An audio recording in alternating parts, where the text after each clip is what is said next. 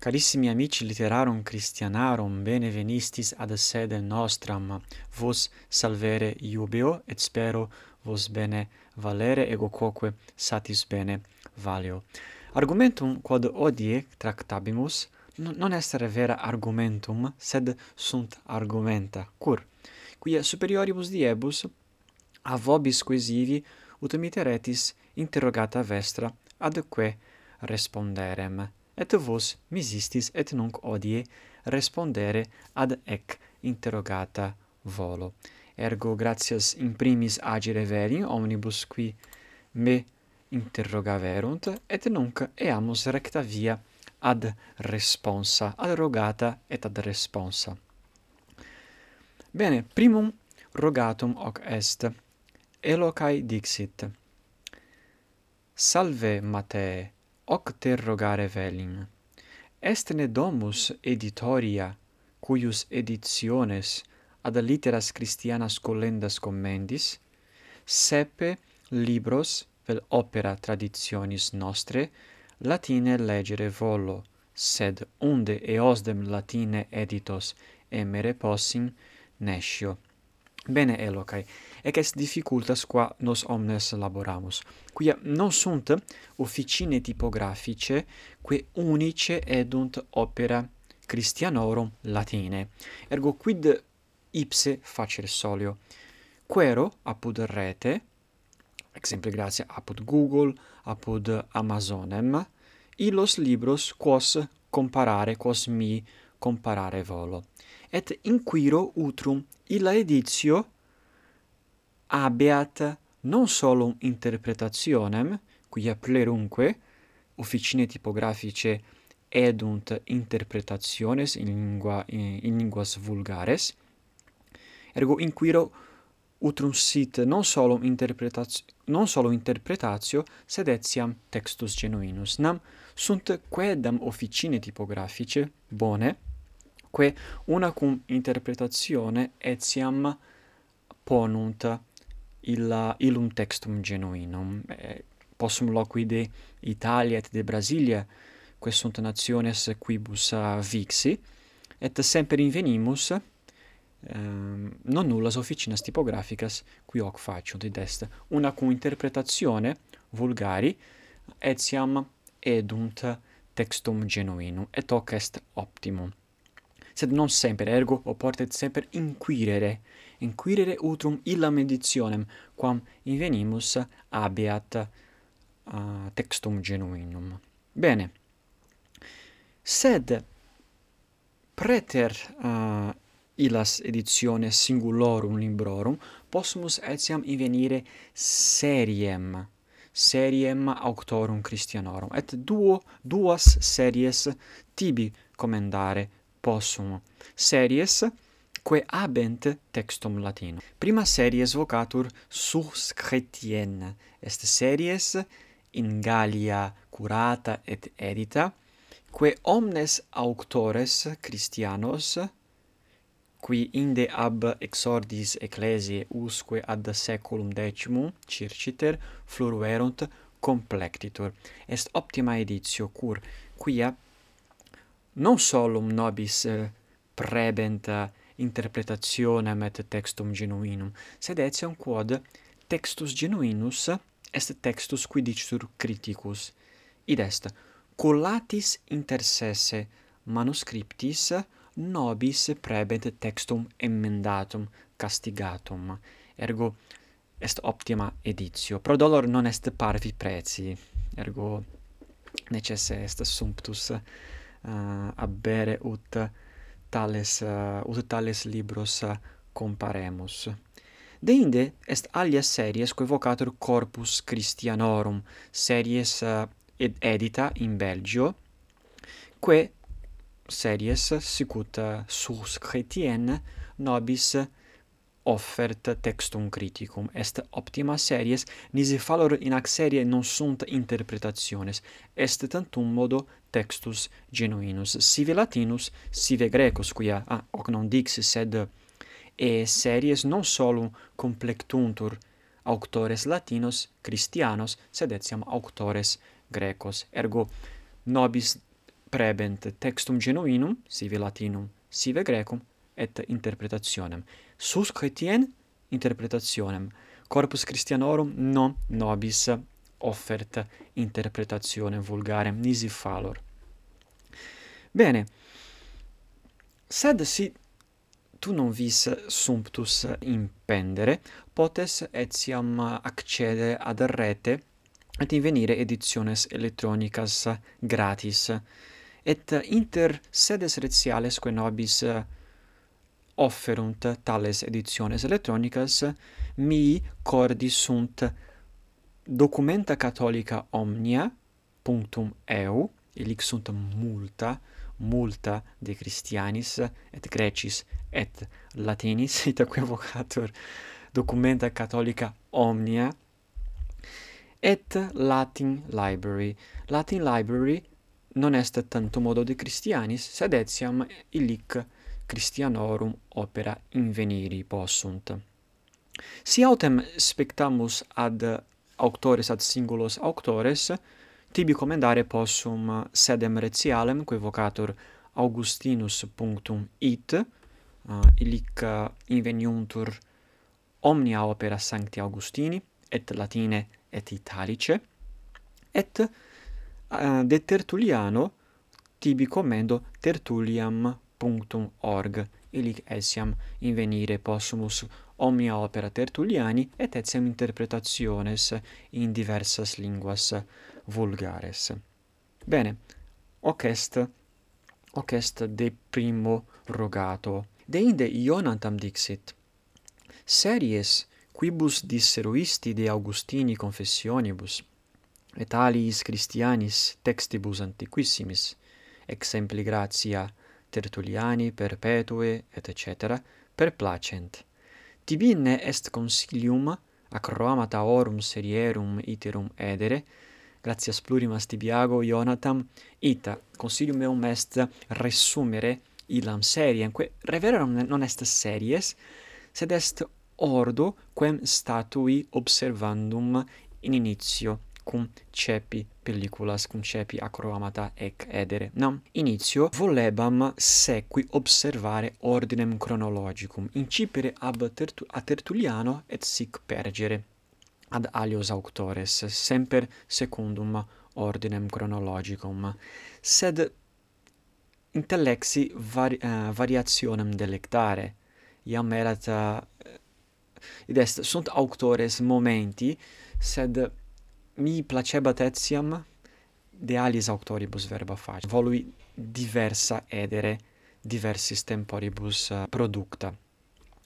Sed mi redeundum est, redeundum est quia est momenti abere anca expositionem secundum ordinem.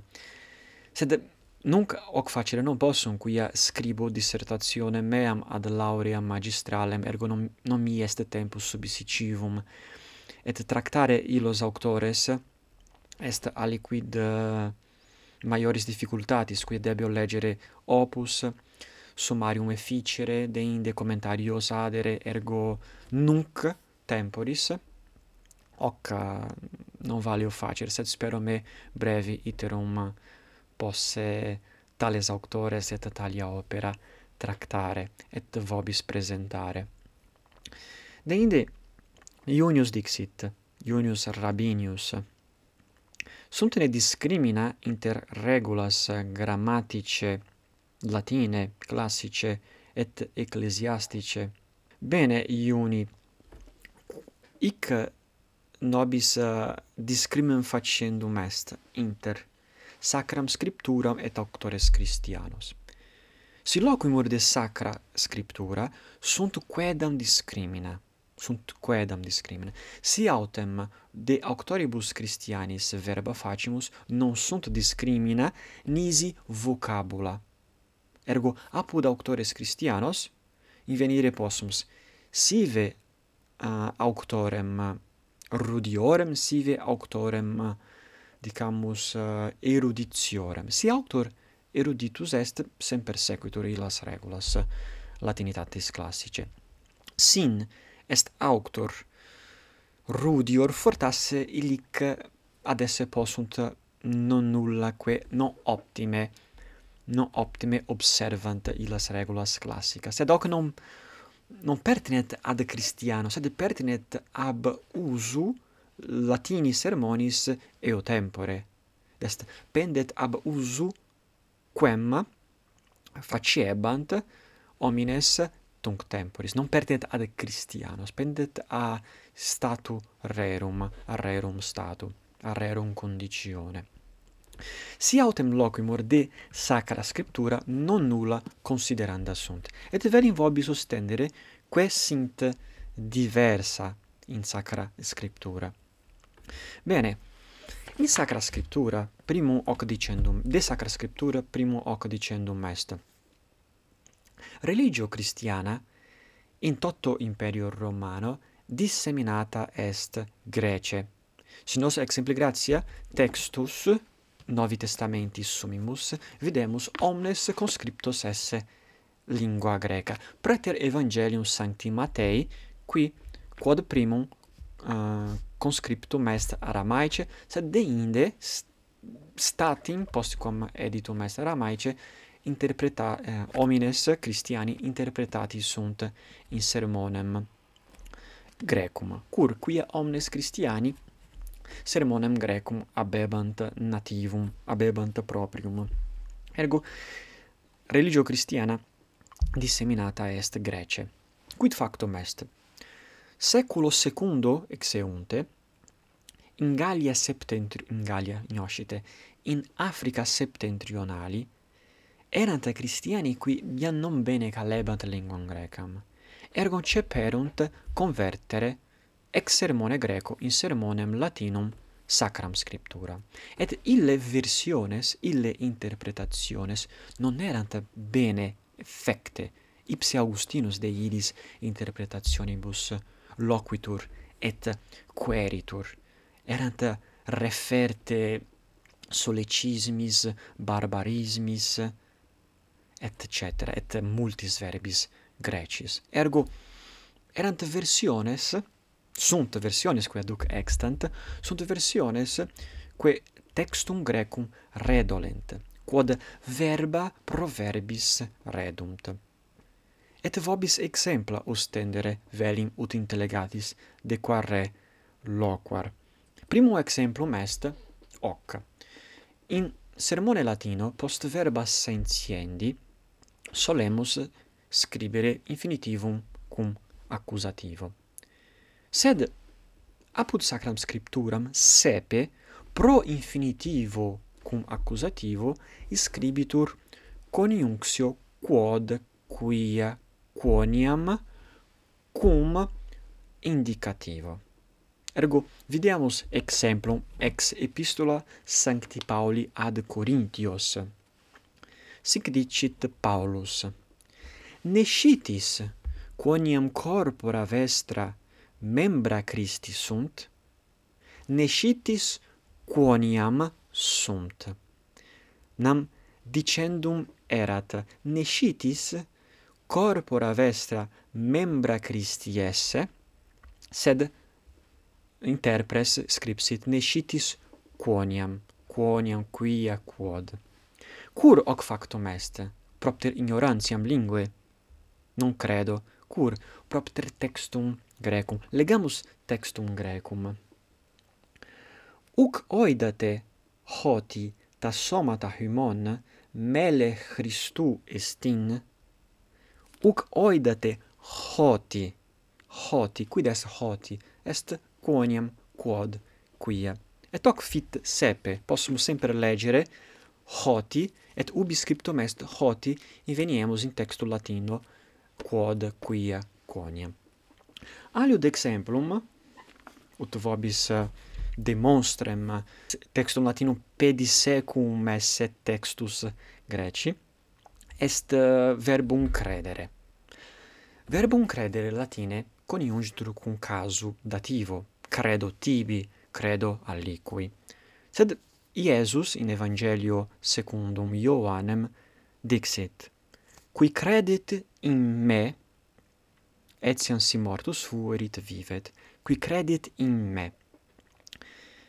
Habemus verbum credere, deinde habemus prepositionem in cum casu accusativo.